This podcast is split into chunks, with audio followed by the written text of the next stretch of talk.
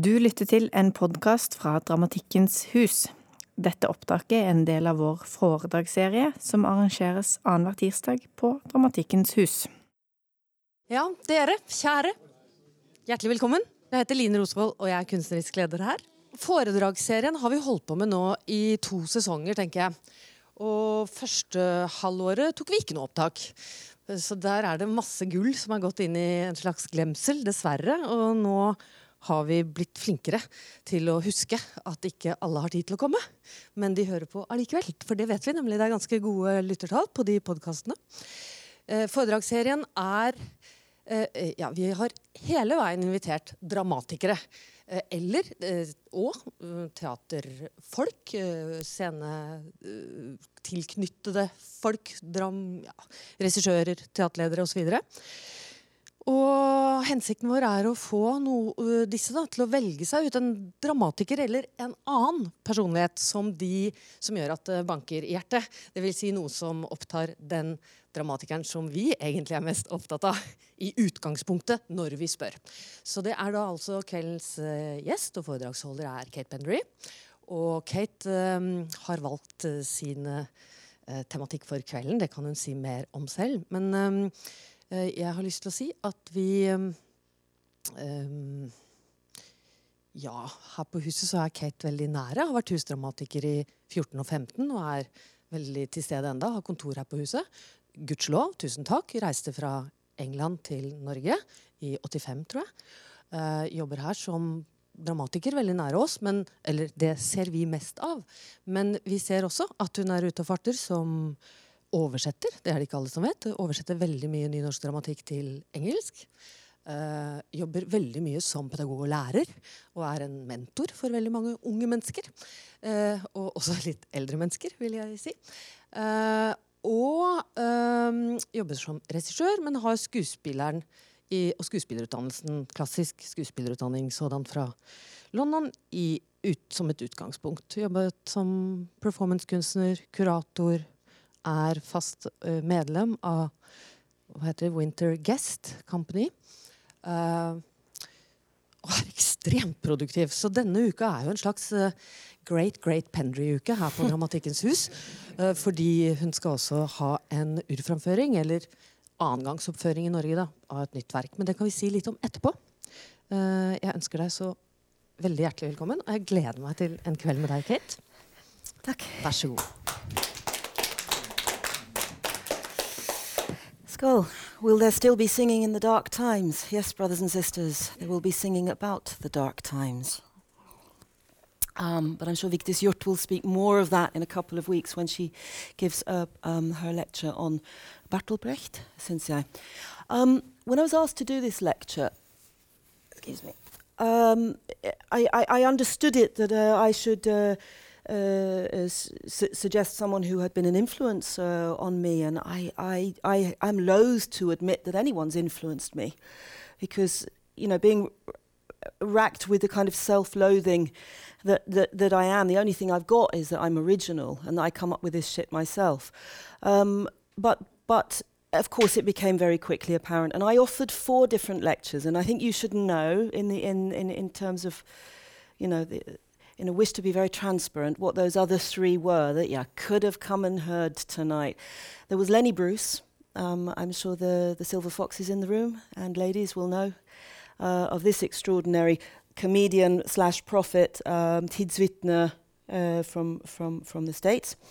Uh, the second one was also another American comedian, uh, lesser known probably to Norwegian audiences, called Bob Newhart.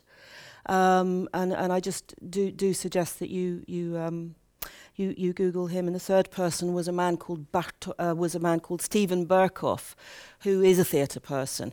And med en gang, immediately, Dramatikkens Hus chose John Lydon, who was the fourth, um, you know, because I, I suppose in a the assumption that punk sells, especially when it's um, put into a theatre environment. And I think therein lies the rub in many respects. When I hear this wonderful introduction on who I am, uh, that I'm a, a mentor and a writer and I, I've, I still feel like the terribly scrappy misfit that I always was, somebody who left school at 15, who's not educated. I'm not equipped in any way to give you a lecture.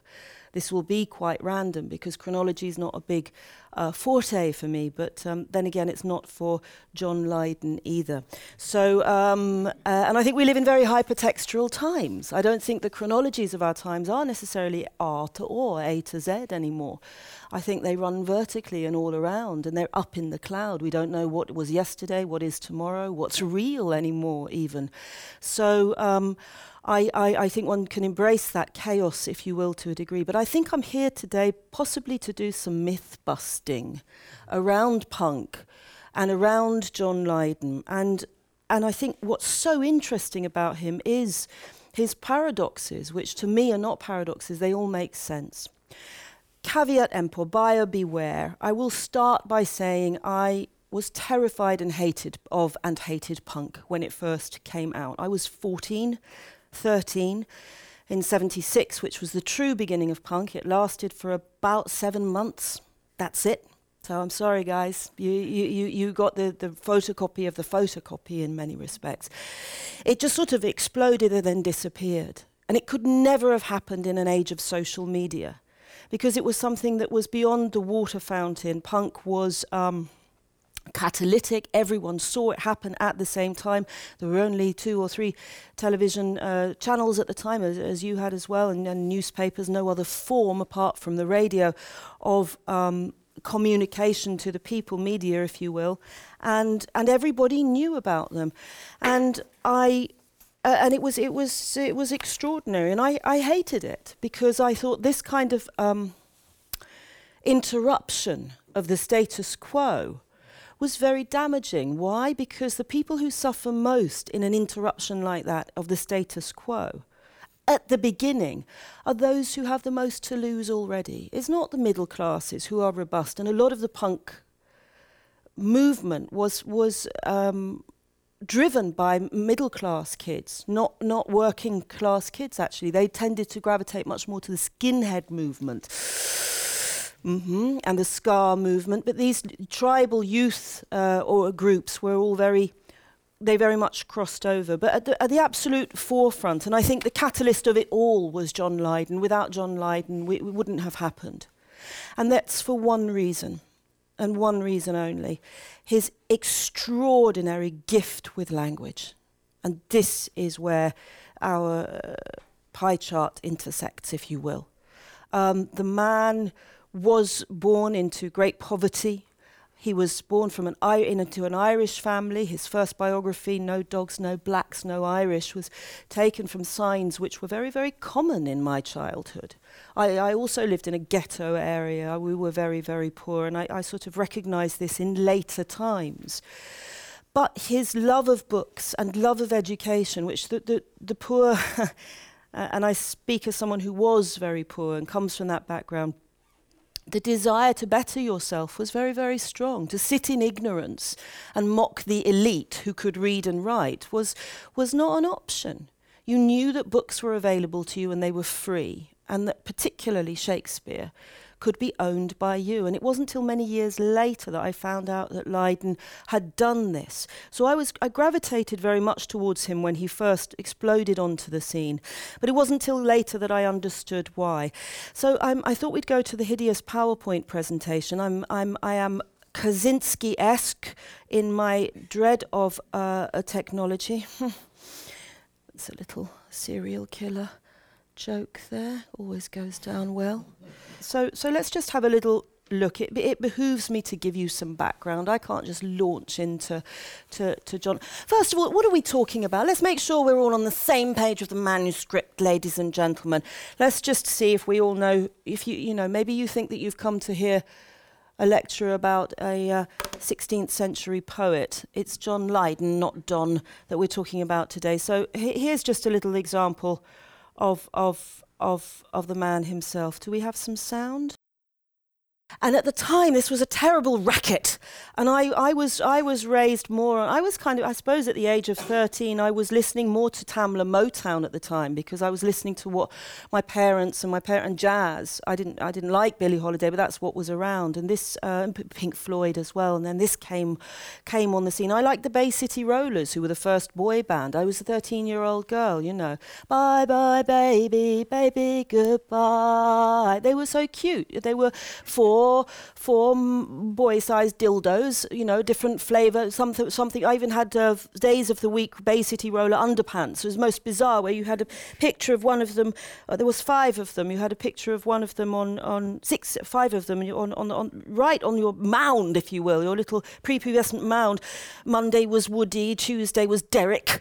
Uh, Saturday was the whole band, and Sunday it just had the logo Bay City Rollers, because you know, and and that was that was I I was raised in a violent drug infested, nasty um, uh, community. And it was brutal and it was horrible, and I have post traumatic stress from it, which meant, of course, I didn't seek out filth and aggression because I was surrounded by it.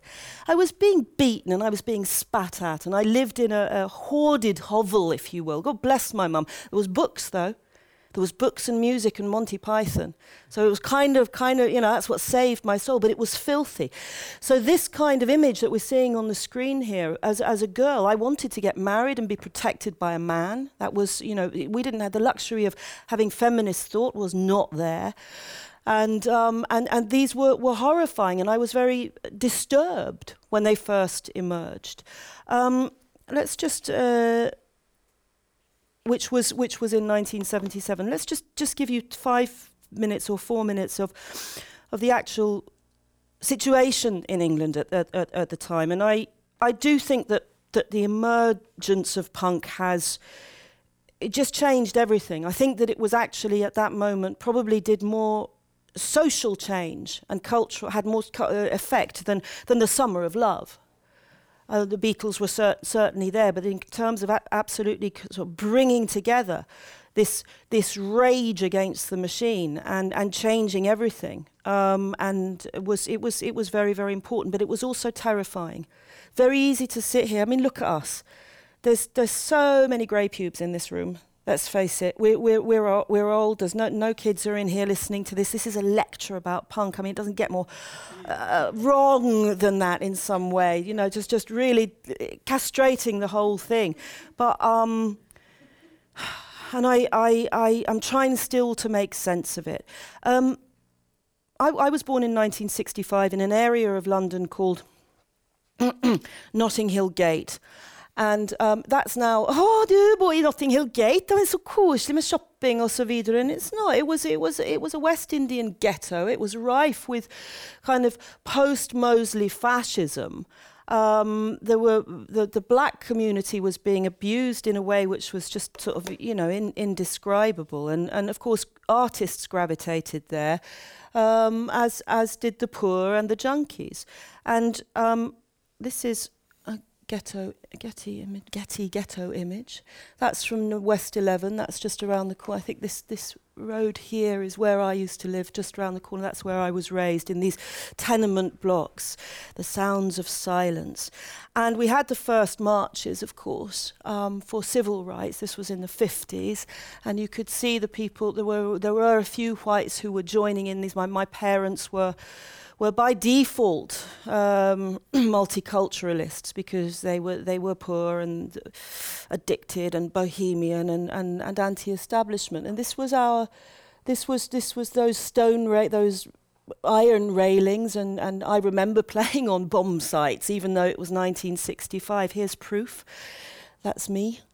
Uh, absolute proof. That's actually outside the house of a woman called Cynthia Payne who went on to become one of the most famous brothel keepers in the United Kingdom. Uh, Julie Walters made a film about her. Madam Cyn, her name was. I, I didn't think it was much fun, but my mother was friends with a with a brothel keeper. It was quite brutal. Um, and as much as I tried to be a, a little girl who, who, who fitted in to these uh, images of what a little girl should be in the late 60s, doing ballet and, and things, I always fucked it up. I always my hair always stuck up on end, and I never I never got it right because I was a lonely uh, child. And it's relevant, I think, for me to talk about myself just uh, to put this in context. But one thing I did was uh, read and write, and in my loneliness, um, this was what my salvation uh, became. Fashion I had it down, ladies and gentlemen. You can't go wrong with a PVC dress, I swear to God. And of course, around about this time, I would have been seven or eight here. Um, I was a child who had something called free school dinners. We were way below the poverty line, so I would go to school. Other kids would have their matpakke, or they would pay for the school lunches. But because we were poor, we were in the system as having free school dinners, and you had to go up to the dinner lady and tell them every single day that you uh, were there for the free school dinners. Sometimes they were kind and they said, "Yes, that's all right." But this was, you know, a humiliation around food, which affected a lot of people of my generation, and and Lydon actually has that as as well. And we used to get free milk. Bear with me because this is dramaturgically leading somewhere. Uh, because it was understood that kids especially poor kids you know uh, the, the, bones couldn't grow unless they had the right amount of calcium. So you'd get a warm bottle of milk every break. But after the glorious 60s and you'd never had it so good this happened. And um, for the purposes of the podcast here's a picture of a young margaret thatcher looking like Methuselah, um, standing standing at her. Um, uh, at her at her kitchen sink, being a perfect housewife, proving that you could also be a housewife and a politician, and of course she was a, she was an education minister, which feels so apposite today, given that uh, uh, what's just happened in in in America uh, with um, Betsy DeVos being uh, c- confirmed as the education minister. Uh, this is just absolute scandal. People who have no empathy shouldn't be in charge of children. And this is where England, my England, began to fall apart when Margaret Thatcher began to have power and she took away the school milk to save money. Maggie Maggie Milk, uh, Maggie Thatcher Milk Snatcher was the name and you wore buttons even as a kid. You, you took, you literally took food from a baby, and not only that, poor children. And my mother was in arms because she was very political and very, very left wing and, Marxist, Leninist, nihilist, uh, communist atheist, God bless her. And seriously, and, and, and this is where it began. This, this bold and beautiful break Thatcher's back. I think it says break back, because break, and it, I mean, it's, and there were others that said break Thatcher's neck. And I've learned that a lot, the art of the great insult. I've learned that from my British, my British upbringing. Um, and into this fray, if you will, came um,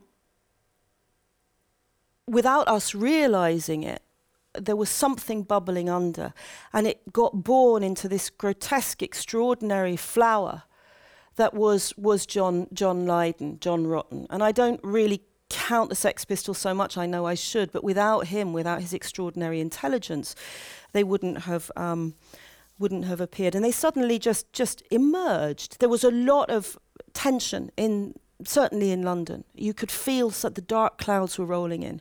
I remember being very traumatized as a child when Thatcher came on the scene, uh, particularly when she became finally Prime Minister. And I, I, I, just have to say, I have not had that feeling since, uh, again, November the, the 9th, 2016, that terrible feeling that this is going to traumatize the national psyche, and if not the international psyche. You just knew it, especially as a child who was abused, and the working classes were up in arms. How could this be happening?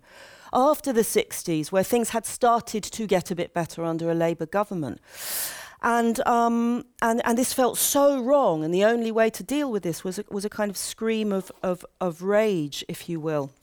And I, at the same time as I understood that's what's happening was was what was happening now I understand it in retrospect at the time I was terrified because you don't want mommy and daddy to fight you want people to approve of the government you know, why can't you just accept the government and why can't, whatever they do is probably good for us? I mean, this is the great dichotomy. I wasn't born kicking. I was born servile and bowing, but there was something inside me as a, as a, lo- as a lonely child that knew that that wasn't the way forward, which is why I, I found myself drawn to the Sex Pistols. Um, their most you've probably heard of this, but I'm not sure if you will have seen it. This was an this is an absolutely historic moment in, in world television in many respects, which was where the establishment met the anti-establishment, if you will. Um, this is a talk show um, with a man called Bill Grundy, who was an old alcoholic, supercilious misogynist of the old vanguard, you know, and he just used to sit there talking down to people and everyone let him do it. Very much like people like a man called Jimmy Savile, who dominated the British television scene for years until uh, after his death. It wasn't found out until then that he'd been a serial abuser and pedophile. Of, and we all knew it. A lot of us knew it. You could feel it. And John Lydon called it. You could feel that the people who were in power were deeply morally corrupt. Not all of them, but you knew it when they were. And here's a very good example, I think, of of um, of of that. So we'd heard about these strange gypsies who had emerged. They'd, like, they'd come like the child catchers. They'd come riding in, they'd come emerging into town. They'd arrived, these strangely dressed young people you know, and um, and after the Beatles and the Stones, everyone had gotten used to the Stones, who had a bit long hair, and they they were kind of the good the good guys now. And then came this filth, who couldn't even sing. You know, they couldn't. It, it was it was just something to really mock. So so this is um, a little example of of how we first. I'd heard about the Sex Pistols, and I. It's interesting that the phrase the Sex Pistols is outrageous. And some people wouldn't even say it, but I, I, I knew, even at the age, I think, of, you, you know, 12 or 13, there's, there's some huge change had come here just because of the name. It was so outrageous, it was so wrong, that, and, and it did frighten me. So here's the first time we ever saw what they looked like. There was no Are internet. punk rockers. The new craze, they tell me. Uh, they're heroes, not the nice, clean Rolling Stones. You see, they're as drunk as I am. They are clean by comparison. They're a group called the Sex Pistols. And I'm surrounded now by all of them. In action. Just let us see the Sex Pistols in action. I am told that that group have received £40,000 from a record company. Doesn't that seem uh, to be slightly opposed to their anti-materialistic view of life? No, the more the merrier. Really? Yeah, oh, yeah. Well, tell me more about We it. fucking spent it, haven't we? I don't know. Have you? Yeah. It's all gone Really? down the boozer. 40? Really? Mm. Good lord. Now, I want to know one thing. What? Are you serious? Or are you just making me, trying to it's make me gone. laugh? Gone. Really? Yeah. No, but I mean about what you're doing. Oh, yeah. You, you are serious? Mm. Beethoven, Mozart, Bach and Brahms have all died. Ours, they? Really? Yes. What- what- uh, they're what are we saying, sir? Wonderful people. Are they? Oh yes, they really turn us on. What do they do? Well, suppose they turn other people on. That's just their tough shit. It's what? Nothing. A rude word. Next question. No, no. What was the rude word? Shit. Was it really? Good heavens, you frightened me to oh, death. all right. see, What about you? And we sit and we smile now, but this was a seismic shift when that word was said on BBC. When he said that, I mean, I, d- I just don't, don't. I know it's half a century ago now, forty years, but it, it just when when you, that interaction there between the two of them was was huge. It happened a little bit with with uh, with with Mick Jagger, but Mick Jagger was already in the sixties. He was already far far removed. Nobody knew who Rotten was. And he says it like a little boy there. Shit. What did you say? Wanting, desperate. And he was drunk, Bill Bill Grundy, the interviewer, during this during this um this interview. And and Lydon said subsequently he was so enraged that this man was talking to him in this way, because you can even hear then the careful way in which Lydon speaks, although he is from the gutter. He takes great pride in the way that he speaks. Um, that's their tough shit, isn't it? Rolling his eyes, almost camp in a way. I can't believe that I'm uh, de- destruct- deconstructing and analysing Johnny Rotten. I never thought I'd see see the fucking day. As Goethe once said, "We murder when we dissect." I think we just go to the pub. You know, I can't dissect this, but I just want to to to kind of explain why Lydon has had a huge impact on someone like me and others of my ilk that it's not mutually exclusive. The anarchy, if you will, and, and, and I think that's a very misused word, or the chaos and the, the, the, the violence of, of punk rock, and beautiful use of language. Um, everyone assumed that they were all more of the Sid Vicious ilk. Who Sid's not here; he didn't arrive until later. Couldn't play a note, but had the look. And as John Lydon said of Sid Vicious, he was a fucking idiot, but I loved him. He was a moron. He was stupid, and people thought that that, that punks were. Girls were- behind. He's like your dad, isn't he. Are you, uh, Or your granddad. are you worried or are you just enjoying yourself? Enjoying. This woman here is a woman. There you go. Are you? Yeah. Ah, that's what I thought you were doing. I always wanted to meet you. Did you really? Yeah. We'll meet afterwards, shall we? You dirty sod. You dirty old man. Well, keep going, chick, keep going. Go on, you've got another five You seconds. Say dirt- something You outrageous. dirty bastard. Go on, again. You dirty fucker. What a clever boy. What a Yeah. fucking rotter. Well, that's it for tonight. The other rocker, Abel, and I'm saying nothing else about him, will be back tomorrow. I'll be seeing you soon. I hope I'm not seeing you again. From me, though, good night. It's just so difficult to explain in these quite um, immune, anaesthetized times in which we live how, how, how much this, this affected not just the establishment, but I, I wasn't establishment, but I was affected by this. I, I was frightened by this. I didn't know what was going on. And particularly, I didn't know why the establishment wanted to goad these kids into doing this. This, this was muffins. This was really disturbing. You saw what was going on. But then you heard the music. Now, um, to my ears then, it was a, a racket. It was just just unpleasant noise.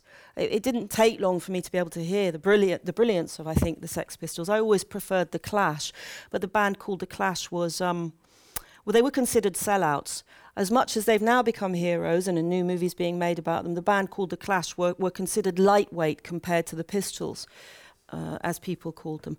So I want to play you now this song because here is where we begin with, with my own particular I've realised in in retrospect um, love affair with, with with John Lydon in terms of performance. I'm assuming some of you know the kind of thing that I do, but I, I've been able to analyse myself and realise where I'm nicking people's acts. There's that beautiful tale of when uh, Charlie Chaplin was sitting with his brother Sydney in a um, and Sid of course is a name which is uh, it's a gubbenavn. It's a name for old blokes, which was exactly why John called Sid Vicious Sid. It's because it was the name of your grandfather working on the uh, allotment, you know. And this is again goes to some very sort of strange, quirky Britishness. Sid and Charles were sitting in a movie house in 1933, and they were they were watching Adolf Hitler uh, unfold on the Pathé newsreel. And Sid turned to Char- Charlie Chaplin and nudged him and said, "Charlie, that fucker's nicked your act, mate." because of the little tramp and the moustache. And that lovely phrase, even then, he's nicked your act. Nicking somebody's act was something that went very back, much back to music hall. You had an act, you spun plates, or you had a dog, or you tap danced. That was the thing that you did. And if someone nicked your act, they stole your livelihood. If they, if they, if they stole uh, your, your art form, and um, and this is this is also very present, I think, in the in the in the punk movement. This is I'm not going to go into their later stuff. I'm only going to go into the greatest hits of the, of the Sex Pistols and one or two of, of Public Image because, you know, that was the time that affected me. I'm not even going to play all of this. I'm just going to play the beginning because uh, it's just, I think, about the first one minute, which blew my mind. So, um, I, I play this to drama students because if you want to understand how to capture an audience in by the neck, make them feel both foot tappingly sexy at the same time as smack them around and then also make them feel safe. This is pure Brechtian alienation technique together with absolute exquisite example of Stanislavski method. They don't even know they're doing it and they shouldn't. But his, um, I can, I can just, I can just, just, anal- anal- I would like to analyze it because it's just that opening. First of all, I, I, I don't care who you are. That opening riff has to blow your mind. There's musicians in the audience. You can't not feel pretty cool when you're listening to that. I felt so cool just playing this in this play. This is my lecture. I, I'm not, I'm not, I'm not talking about some old dead fucker, you know. And um, I just want to. Uh, can I have the music, the sound? Or I could even put the sound on myself.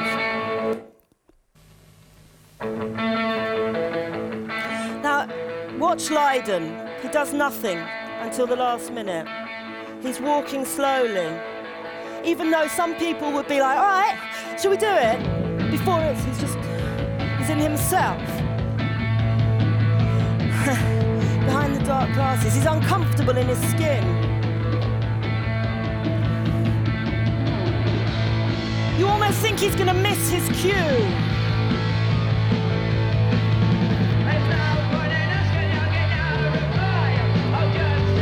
And then an artist comes in at 10.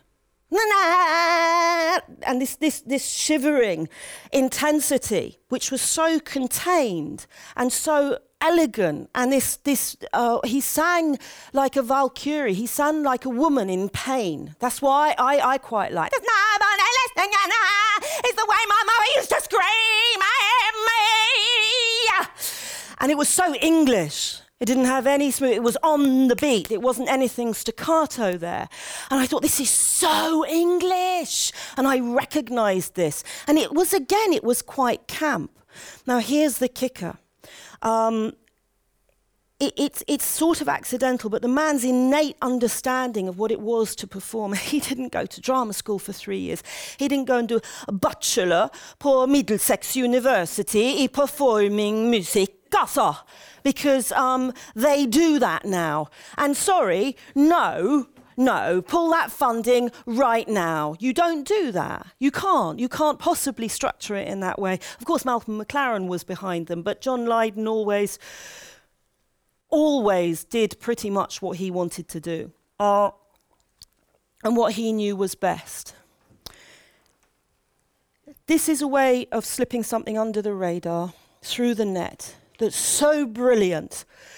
I, to this day, 40 years later, I can't get over it. This is how you say the word cunt on national television when it could have put you in prison. And the establishment didn't notice it. And as the song goes on, he stretches the vowel out more and more. And he said this many times they can't, they can't, they can't, and we don't care. And that, that daring you, daring you, fuck me, I got away with it. I got away with it. And there's, there's such intelligence that goes into this, such brilliant intelligence. I always fancied Sid Vicious because I was an idiot. I think if you saw back at just, just as a sidospår, you saw the, the interview with Grundy where one of them was wearing a, a, swastika. And those were the times. I think I wore a swastika as an armband for a day uh, on the day that Sid Vicious died. You know, I had no interest in that. It pissed my mother off because uh, she left uh, Austria from the Nazis. What the fuck are you doing? And that was our opera. I don't know what to say. It's absolutely appalling. I knew at the time it was appalling. I knew that it was absolutely appalling to wear a swastika. Um, and, and, and yet, certainly the West Indian kids who I was hanging around with, who was in, who were in my community, that was uh, there were other things to worry about at the time. You know what I mean? Some idiot with safety pins wearing a swastika. I'm quite ashamed of that. I've never told anybody that. I've now told the world, and I'm sure that, that some tsunami of regressive leftism is going to put me out of work for the rest of my life for being a neo-Nazi. But what are you going to do? Um, so it, it really wasn't until 1999 when I was living with uh, a group of, of, of, transvestite performance artists in Oslo, in Storgata, number 37, in what we called the Nancy Reagan Mansions, where uh, Reidar and Torgeir and Christian, who were, who were feminist performance artists, I didn't know where they'd come from the queer community. They'd come from the punk milieu and then into the queer milieu in Norway and and they slapped the feminism into my face. And that was the first time that I first heard the phrase "anger is an energy" and was told that it was Johnny Rotten who'd said it. And that's when I started to really explore um, John Lydon as uh, as a person. Um, it, it, wasn't too too long after that I began to really develop um, my my my own work. I wasn't. I listened to the Sex Pistols for the first time truly when I moved to Norway, mainly because I was cool that I had been around in London at the time when the Sex Pistols were around. I never saw the Sex Pistols live. I did see a band called the Ramones live. There was about this many people in the audience, and I thought they were awful. Um, what are you going to do? I wasn't a cool punk. I've never been. I never understood it until much, much later. But I did experiment with the clothing um, because I didn't feel that I fitted in anywhere, and this was there was just some innate drive, I still haven't understood it, to to put yourself in the firing line. And I think I've still, I learned that from, from the punk movement. Better to put yourself in the firing line so you know what you're dealing with than to hide and try and be a nice girl um, where they're going to treat you badly. Um, anyway, uh, I, I, just wanted to, just later on, um, oopsie daisy, uh, I formed a band for about five minutes. You're the first people and the last who are going to hear uh, a little bit of a track from my band called Heroin, and this was where I really understood how much I had. Uh, this is quite painful. How much I had. I, I really want. Yeah, it, this is mortifying, uh, but I, I really, I just want to, because um, I just understood it recently myself. Yeah, I, I, that's. I've never been able to sing, but I could sing like him, and and well because um, you didn't have to learn how to sing. You didn't have to play, know, know how to, to, to play notes. It was about the intensity, and I was always looking for a way to express that inner rage and pain um, without it becoming a private uh, wank. So, so this is from our one. Uh, we had three gigs in in in the year 2001, and um, then we imploded. Uh, we recorded one gig on a cassette, and this is it. And this is one one of the uh, tracks. I don't have any film, but. Uh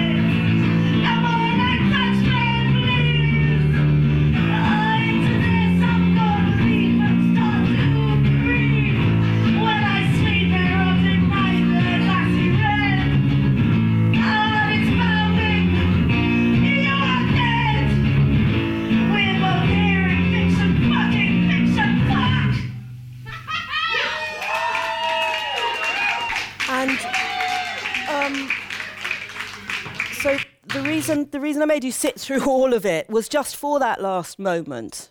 Um, where you just pulled everything back and just held it there. Fiction, fucking fiction, fuck! And that shock that you could give the audience. And that I learned very much from, from, from John Lydon of holding it there.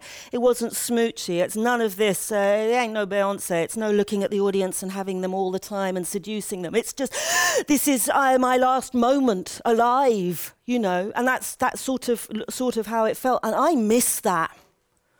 I miss that terribly. There was absolutely some kind of authenticity there, even with Lydon rolling his eyes as he was singing and realizing this was all just a fucking sham. And I saw that and I absorbed that from, from Lydon. And what, what eventually happened was um, it was all about his performance, his, his, his presence on stage, and this uh, strange intensity that he had, which was because well, as a child he had had meningitis when he was seven years old, men- meningit and um, from from playing with rat shit in the in the streets, and um, was in hospital for a year. And when he came out of hospital, he lost his memory, and he had to be re- retaught how to relate to his family and how to read and everything. There was no help from the social services at all. So his mum, his mum, who was a, an Irish woman, just an Irish Kathleen with seven children, an Irish Catholic in a council house, who liked Hawkwind So she was kind of quite quite cool and Captain Beefheart, even though she was a very straight, normal woman, and she nurtured him kind of back to life. But this stare that Rotten has is because of the meningitis. He's very, very short-sighted and he has difficulty focusing. So it's a complete accident. It's exactly the same as John Lennon, who seemed to have this snootiness about him.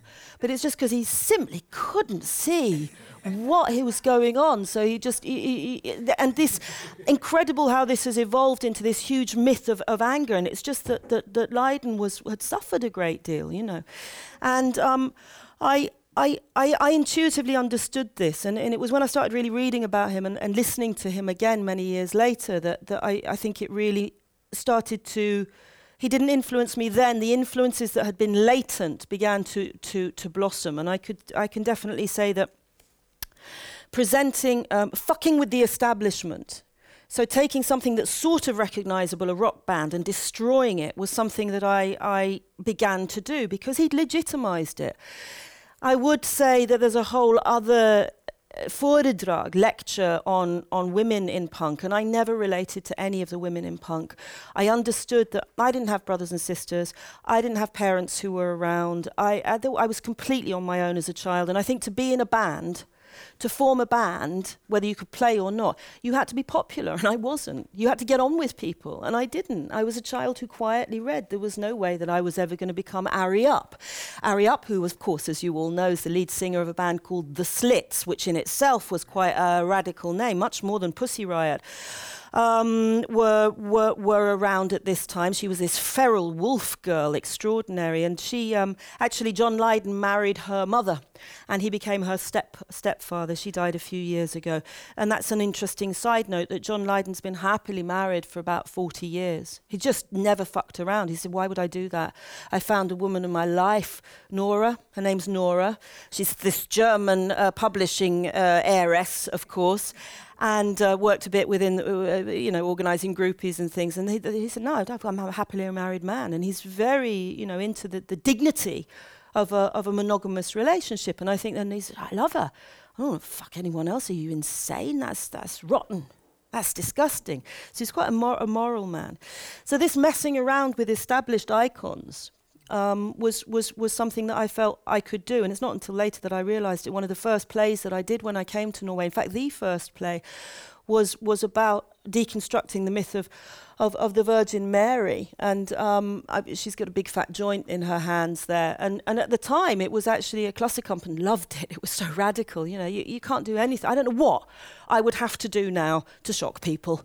I genuinely don't. And I think I do like to shock people because I think a bucket of cold water in the face is always a good refresher. I like to be shocked, so long as it doesn't hurt me. I like to have a wake up call, shake it off, and move on. I don't know what we could do now. Um, so this was Monster Madonnas, where I a, a repeated theme for me, where I had the Virgin Mary talking to the mother of a serial killer. This was back in 1995. The original uh, Mary is sitting in the room now. My Lisa Rasmussen is at the back there. We've worked together for many years, and that's also something is to, it's like Johnny Rotten and Jah Wobble, me and my Lisa. Uh, that's in, an, an, in, an in reference. Um, and, and starting to, to deconstruct these, these holy cows, if you will. Um, it, was it was as much an attack for me on the establishment in England, which I could do here because I wasn't there, as it was a fuck you to the punk movement that I could never be a part of.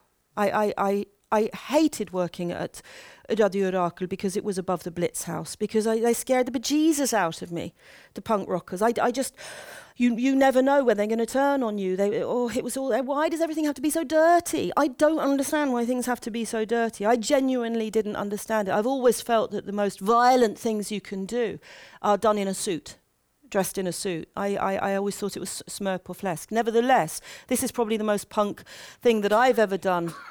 Uh, this is an image of the Diana, Princess of Wales, um, who died in 1997. So already I was living with uh, with the um, with with genitalia and and the queer slash punk slash Marilyn Manson kind of movements that were happening then were, were, were, were very present. This thing of ripping things apart and, and stapling them back together again to show, to show the wounds.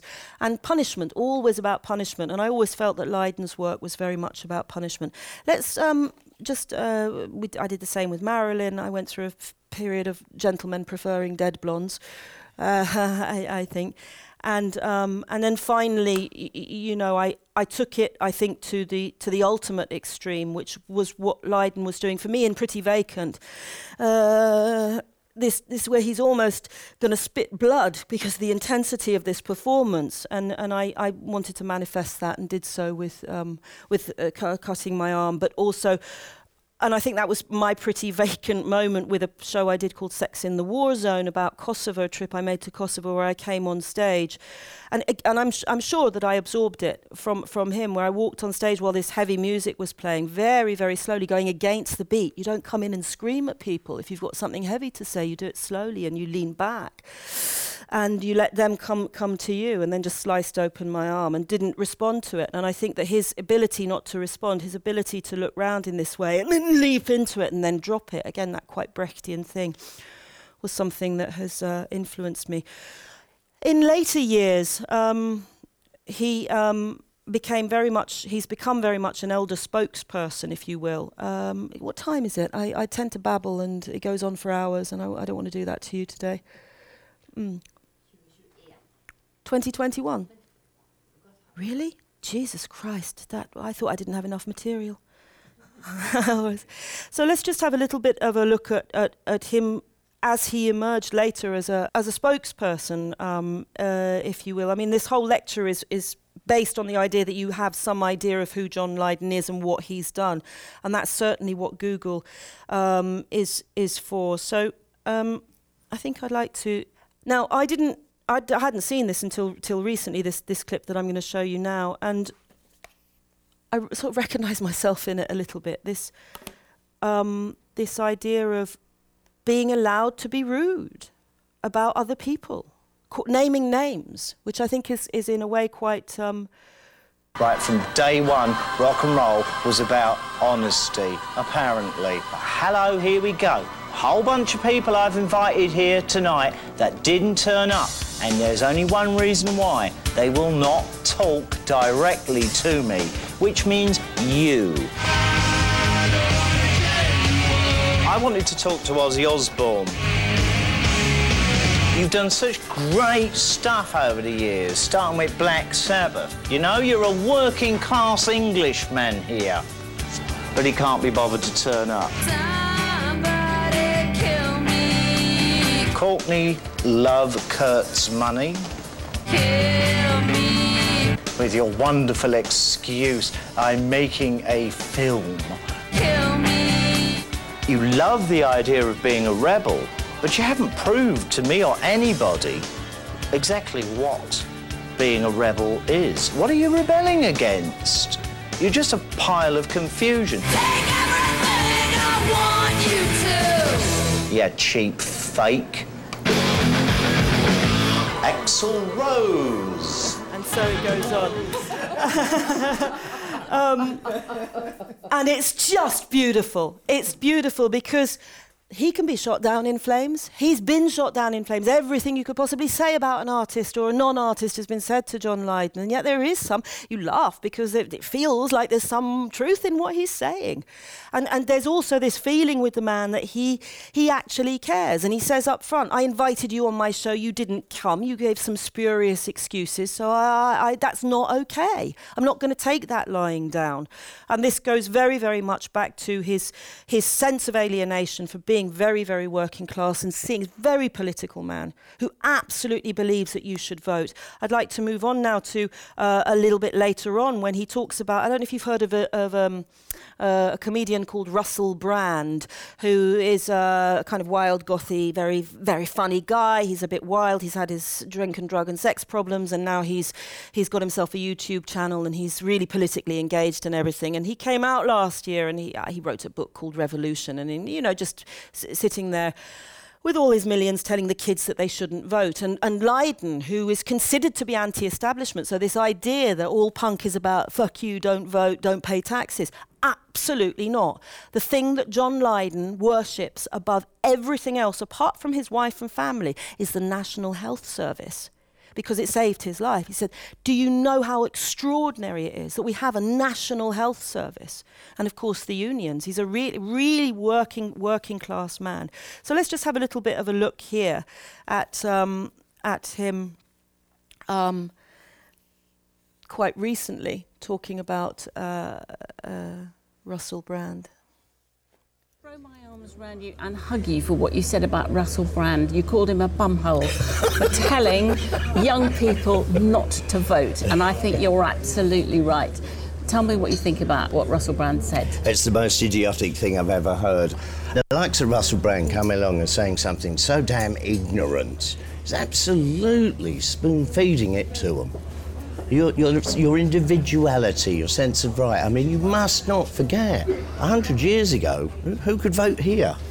And to have that so easily, flippantly ignored in that lazy ass, I, I take drugs and tell not funny jokes way. It's, that's very poor. You have to vote, you have to make a change. You're given lousy options, yes, but better that than nothing at all. Young people in this country don't vote. Under 24s vote least. Uh, the old vote most. Yep. The result is that all of the money goes to the old. This government that has cut everybody else's benefits has protected the old, has has given them more money, and there's Russell Brand telling them that's Condone- okay. Condoning that. Well, that's all wonderful because without education, you're going to be the stupid of the future. Uh, you're not voting. You're not. You're not contributing. You're not even like non-contributing. You're just uh, demanding that you be ignored, and that's not very smart at all. Now everybody here is saying, oh, all politicians are the same, all the parties are the same. The moment they get to Westminster, they're all the same. Do you well, really there's think? shades. There's you- shades of difference, isn't Well, there? do you really think that David Cameron is the same as Labour? Do you really think there's no difference? There's a huge difference. It's just the representatives of these parties are, are bland, and I suppose that's deliberate. It's clear. If, I mean, if you've got a, a pile of money in the bank, you're going to vote for the party that loves people with a pile of money in the bank. And if you're like the rest of us, well, you're going to vote differently. Tho- And those so borders should not have been. So, um, and the point being that he always was like this. He's not someone who's who's changed. All right, he did Celebrity Big Brother, but um, basically for the money and left left very soon afterwards. He's always had a certain a sort of authenticity, and I think that that's always come into uh, uh, into his in, into his music. Um, his later work with public image was much more refined. I'll just give you a quick few seconds of for those of you who are not aware of how of some of his evolution, um, which.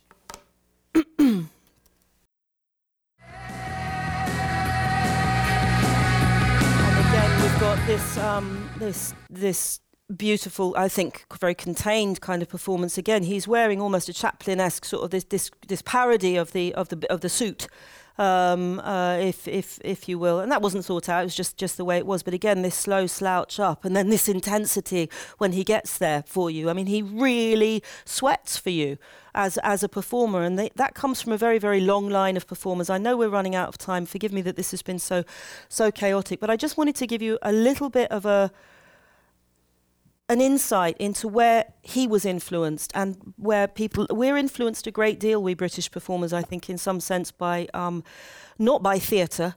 That's been very alien to us. Um, the, the, the true truly great theatre practitioners i think in, in, in the united kingdom or great artists if you will performing artists have not been influenced by the theatre the theatre is something that is influenced by them i think i think that um, that, that Steven Berkoff was probably the only person I think who who captured some kind of spirit of the times in the 70s and the 80s. Um, and um, I'll, I'll uh, uh, show you a bit of that in a moment. But there was a whole revue, music hall vaudeville um, history that, that comes all the way from the Hofnacht, from the court, from the fool uh, in the in the courts. Um, very commedia dell'arte, and it's very much a part of our culture, arsehole, arse behaviour and tits. And and he says, uh, if I can just very quickly in, in his biography, he says, they were doing a benefit concert for the striking miners. This was the, the, the, Sex Pistols. These, these were not apolitical at all. Of course, you did a benefit for the miners and their kids, who Thatcher was just shutting down entire communities. The only respite was when we played two benefit gigs on Christmas Day for striking firemen and their kids. Um, the people weren't going to have a proper Christmas, so we laid it all on, flooded the place with cake and presents for the kids. And here we are, were, allegedly the roughest band in the world. And at the kids' afternoon show, we'd have to play to seven year olds. There's an awful lot you have to leave at the door to do that. To start, th- to start with, I was thinking, how on earth am I going to sing Anarchy in the UK here with any sense of realism? Well, kids totally knock you into place with that. They're going, You're just one of us, John. You're just a big, stupid kid. And I was. And then the cake started flying around and it went into, into an absolute insane mental brilliance, absolute slapstick. It showed our lighter side. It was carry on Sex Pistols with Steve as Sid James. Kids can be such a good bounce back to reality. It the stu- stuffing out of Sid Vicious too. He was trying to be the hard rocker bloke, but how can you be tough with a Christmas cake in your face surrounded by children? It reminded us. It reminded us that it had all got a little too serious. As a band, that was probably the closest that we'd ever been. This is a man of great heart. Now, he mentions Carry On Sex Pistols because there was a huge um, wave of films in the 60s and 70s called the Carry On films Carry On Up the Khyber, Carry On Cleopatra, Carry On, Carry On. And he mentions this man called Sid James. And I just want you to meet Sid James to understand how much a huge part of the Sex Pistol performance um, was was from that incredible bit of shared British culture. It would be like I don't know whether Rolv Wesenlund has ever turned up in anything that the Olive has ever done, but it would be possibly something, uh, uh, you know, obviously not akin akin to that. So here's just a small compilation of, of what we're looking at here. This is Sid James. So sorry. Of course, the campness here as well there was a lot of gay actors in this commu- in the in the Carry On community who who were cons- who spoke to dog whistled to the gay community but not to the straight community.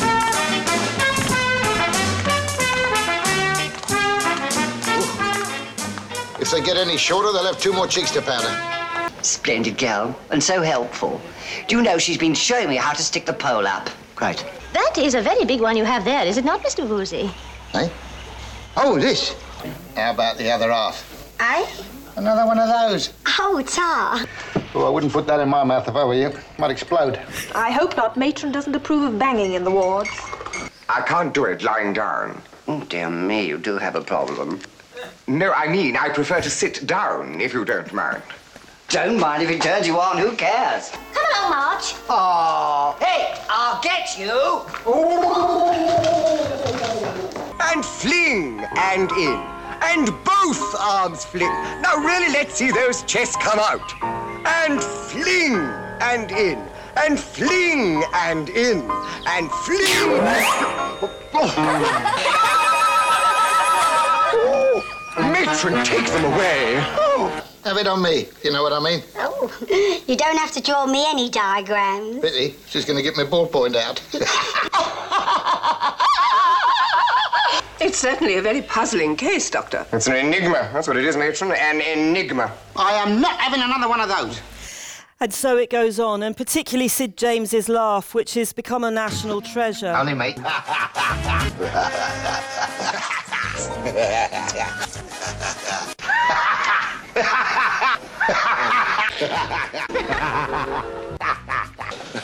Spoken like a true man. It's the dirtiest laugh in cinema history, isn't it? Um, it's kind of slightly pantomimic, um, but there's horrible intent behind it. It's either the laugh of somebody who's just sealed a deal to steal all the lead off the church roof, or who has glimpsed the object of, of desire.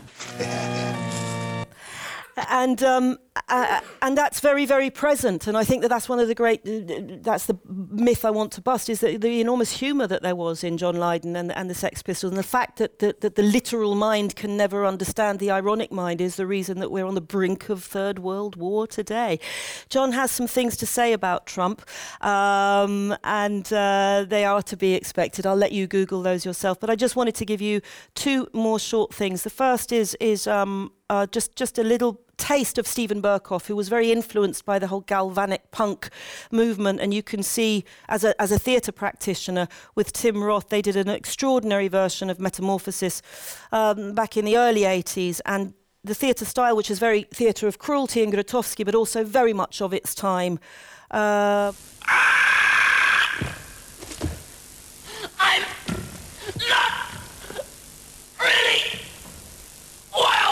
Come on, Samsa, you'll miss your train. Gregor. Samsa? Gregor. Come on, Samsa. Come on, boy. Gregor. Stop Come on, being a boy. silly boy. Come Gregor. on. Come on, Come on. Samsa.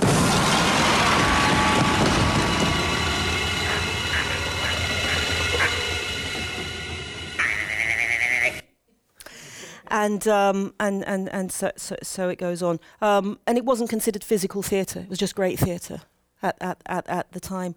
Um, and I think, uh, enfin, I just want to give you the the, the final.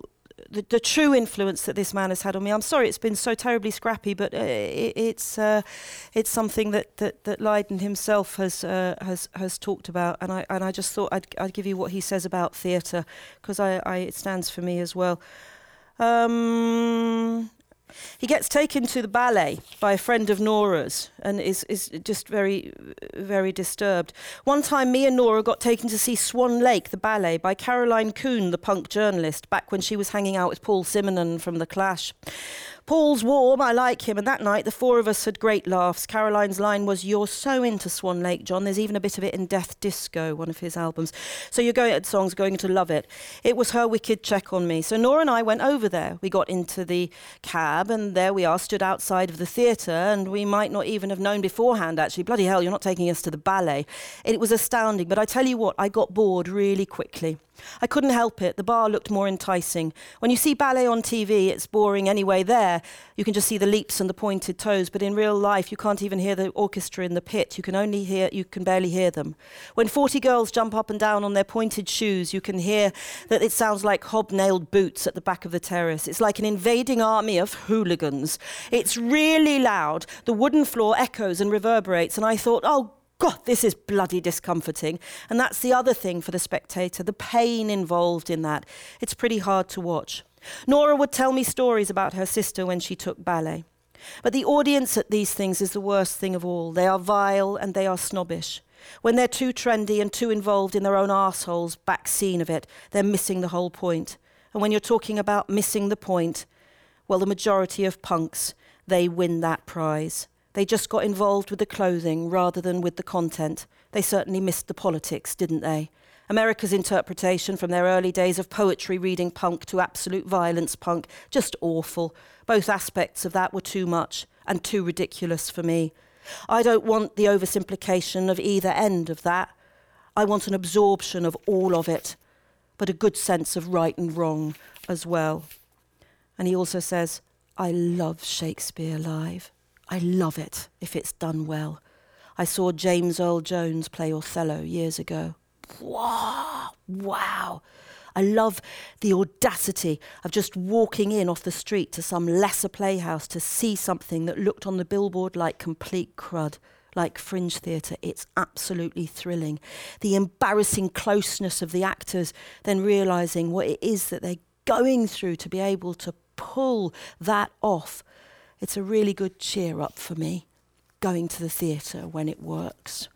And um, finally, um, this is just a small example of, of one of my own characters who I think owes more to John Lydon than perhaps anyone else.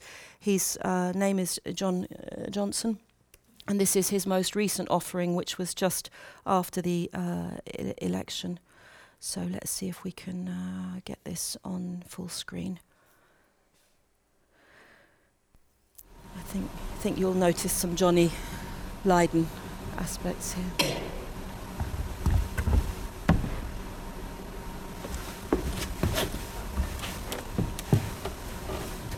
I'll just start speaking then. Yeah? All right. That's Martin, our sound and vision man. Thumb up. Um, well, my apologies that it's two men behind this production, first of all.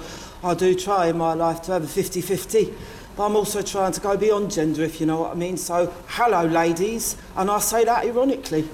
I know that it's almost a pejorative now. I assume that most of you is women. What I mean is, I assume that most of the people at the conference are women. I don't know why I assume that. Stop Porn Culture Conference. I'm sorry about my assumptions. They're born into me, they're bled into me. They come with a fucking DNA, don't they? Listen, the reason I'm a little bit put out right at the moment is this I had something planned. It was almost, dare I say it, a presidential address. But all that changed, didn't it? I mean, I got this gig. Anna called me up, said, Could you send a little message to the ladies, sorry, to the conference, you know, because you know where my heart is. By the way, my name is John, John Johnson, Johnny to my friends, and my mum. God rest her soul. Anyway, I had it all prepared. I'd written it down. I didn't need a teleprompter or anything. I was just going to come and say a few words of encouragement because I absolutely one who's been brought in from the dark side, if you will, raised on porn, destroyed by porn, saw the light. Fucking saw the light, lived in shame, all those years in shame. And I had all these wonderful words prepared because I thought we're into a golden future. I thought it's fantastic. What you lot have been able to do, forgive me for saying you lot, that might seem rude, but I'm a working class man from London, you know what I mean? You lot, it's not a rude thing. I mean, you, you, you wonderful, wonderful women. I know there's one or two nominal fellas there who are behind the cause, but not many of us. We're lazy and we're frightened, we're fucking ridiculous, excuse my French, and you know it. It's you lot, isn't it? Still fighting the good fight. So I had all this prepared. I was going to say, I think we're into a golden age. The awareness is coming. The awareness is coming this culture of pornography in which we live, this culture of rape in which we live, which affects not just women, not just little girls, but little boys as well. Something's got to change. We're better than this, aren't we? We're so much better than this. And then, Tuesday, the 8th of November, into Wednesday, the 9th of November 2016, Kristallnacht. I couldn't believe it all those conspiracy assholes out there saying, what, why are you so shocked? Why are you so shocked? You should have known that it would happen. No, I didn't know that they would put that man into the most powerful position on earth, a rapist, an abuser, a narcissist, a misogynist. I didn't know. Why? Because I, I had hope and faith in humankind. I shouldn't. I'm a bloke and I know it. I know what blokes are capable of. I'm sorry, I wasn't supposed to come and be, be angry and shout at you. I'm not shouting at you, I'm sort of shouting with you, if you know what I mean. But it's so hard, isn't it? I mean, what we're supposed to do, look at me. Do you know how difficult it is to be me?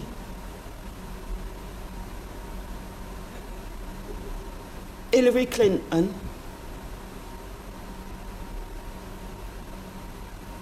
I'm giving a dramatic pause there because I'm letting you assume that I'm going to say some shit about her, but I'm not. She's a brilliant woman. Dedicated a life, 30 years to service, the shit she's had thrown at her. In many ways, she brought that phrase into our collective consciousness.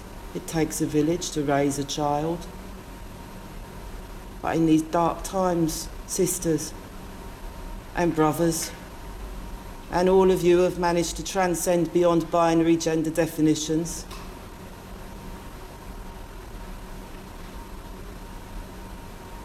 If it takes a village to raise a child, it takes one to abuse it as well.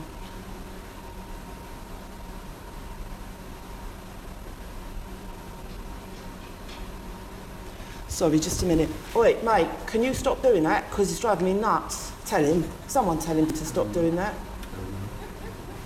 That's brilliant. Thanks, mate. We're recording, do you know what I mean? I'm not alone here. There's other people in the room, but I can't go into details. We're doing this in the off hours. I'm part of quite a large project which is a bit hush hush. Oh, yeah, I'm a man doing hush hush stuff. It's all under the radar. I can't tell you about it. It's all secret. I know that the world is supposed to love transparency, but all we men do like a big secret, don't we? We love a big secret. We love to do hush hush things that nobody else knows about. We love to be the owners of the truth, don't we?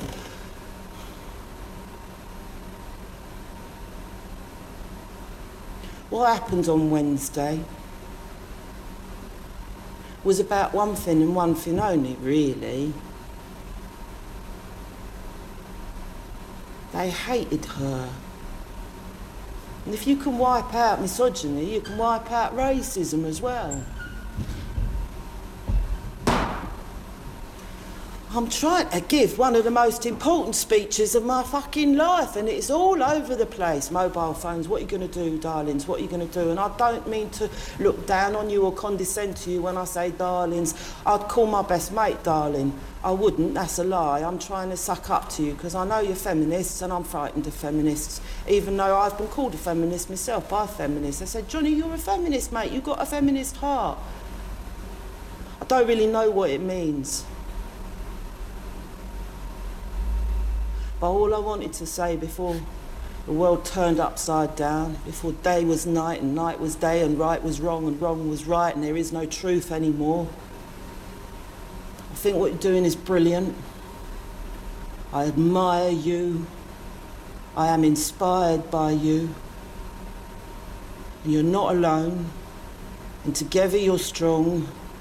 And although solidarity has become a dirty word and you're not supposed to fight for anything anymore, otherwise they accuse you of being a violent terrorist, I say fight for peace. And I say fight for dignity. And I say I am human. And therefore, nothing that is human is alien to me. Unfortunately, and also fortunately.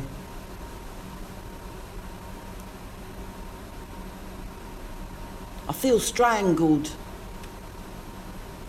Masculinity is a pain in the arse. I know there's a whole bunch of mixed metaphors there, depending on which side of the divide you live, but it's a pain in the arse. And so's femininity, and so's inner, is all this gender stuff.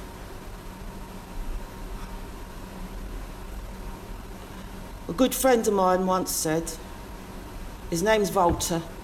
We call him Walter but his real name's Volta because he's from the east of Europe.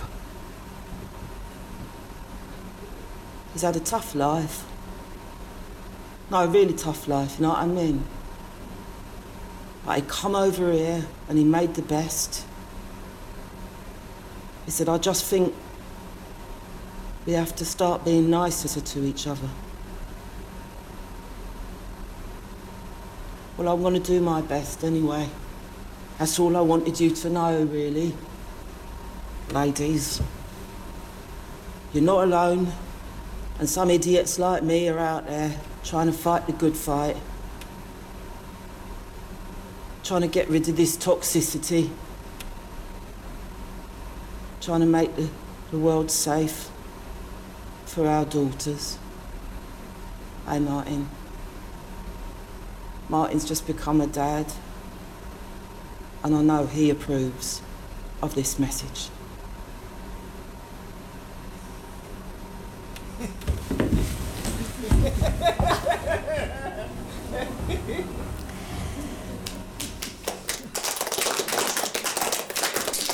so, um, so there was so much that I couldn't bring in because the man is extraordinary. They are uh, there's a campaign now to make him a knight, to give him a knighthood. He's not bothered either way. Um, but I, um, I think just to show you how the wheel turns and how he, he's still quite an extraordinary inspiration because he's so brilliant with words. That's the bottom line. And also because he happens to have a great heart. And he's always said, it's about politics.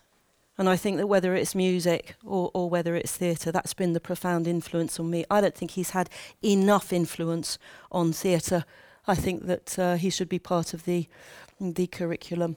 Um, so last year, after Brexit, this is just a 10 second long bit. I think some of you may have seen it.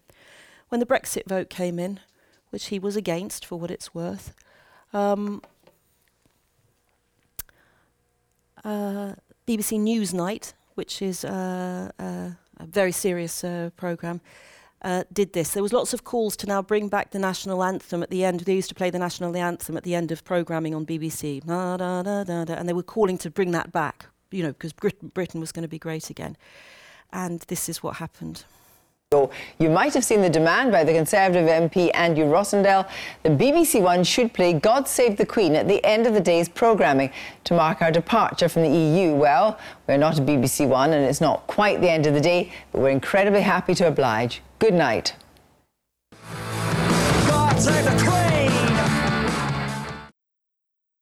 A national treasure. Thank you so much for your great patience. Bless you.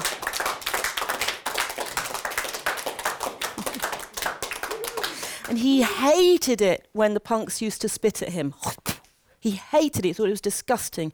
This uh, this habit that the punks had of, of spitting at. He's why would you do that? I'm performing. Why on earth would you spit at me while I'm performing? Du har nå hørt en podkast fra Dramatikkens hus. Har du lyst til å høre disse foredragene live? Sjekk ut våre hjemmesider dramatikkenshus.no.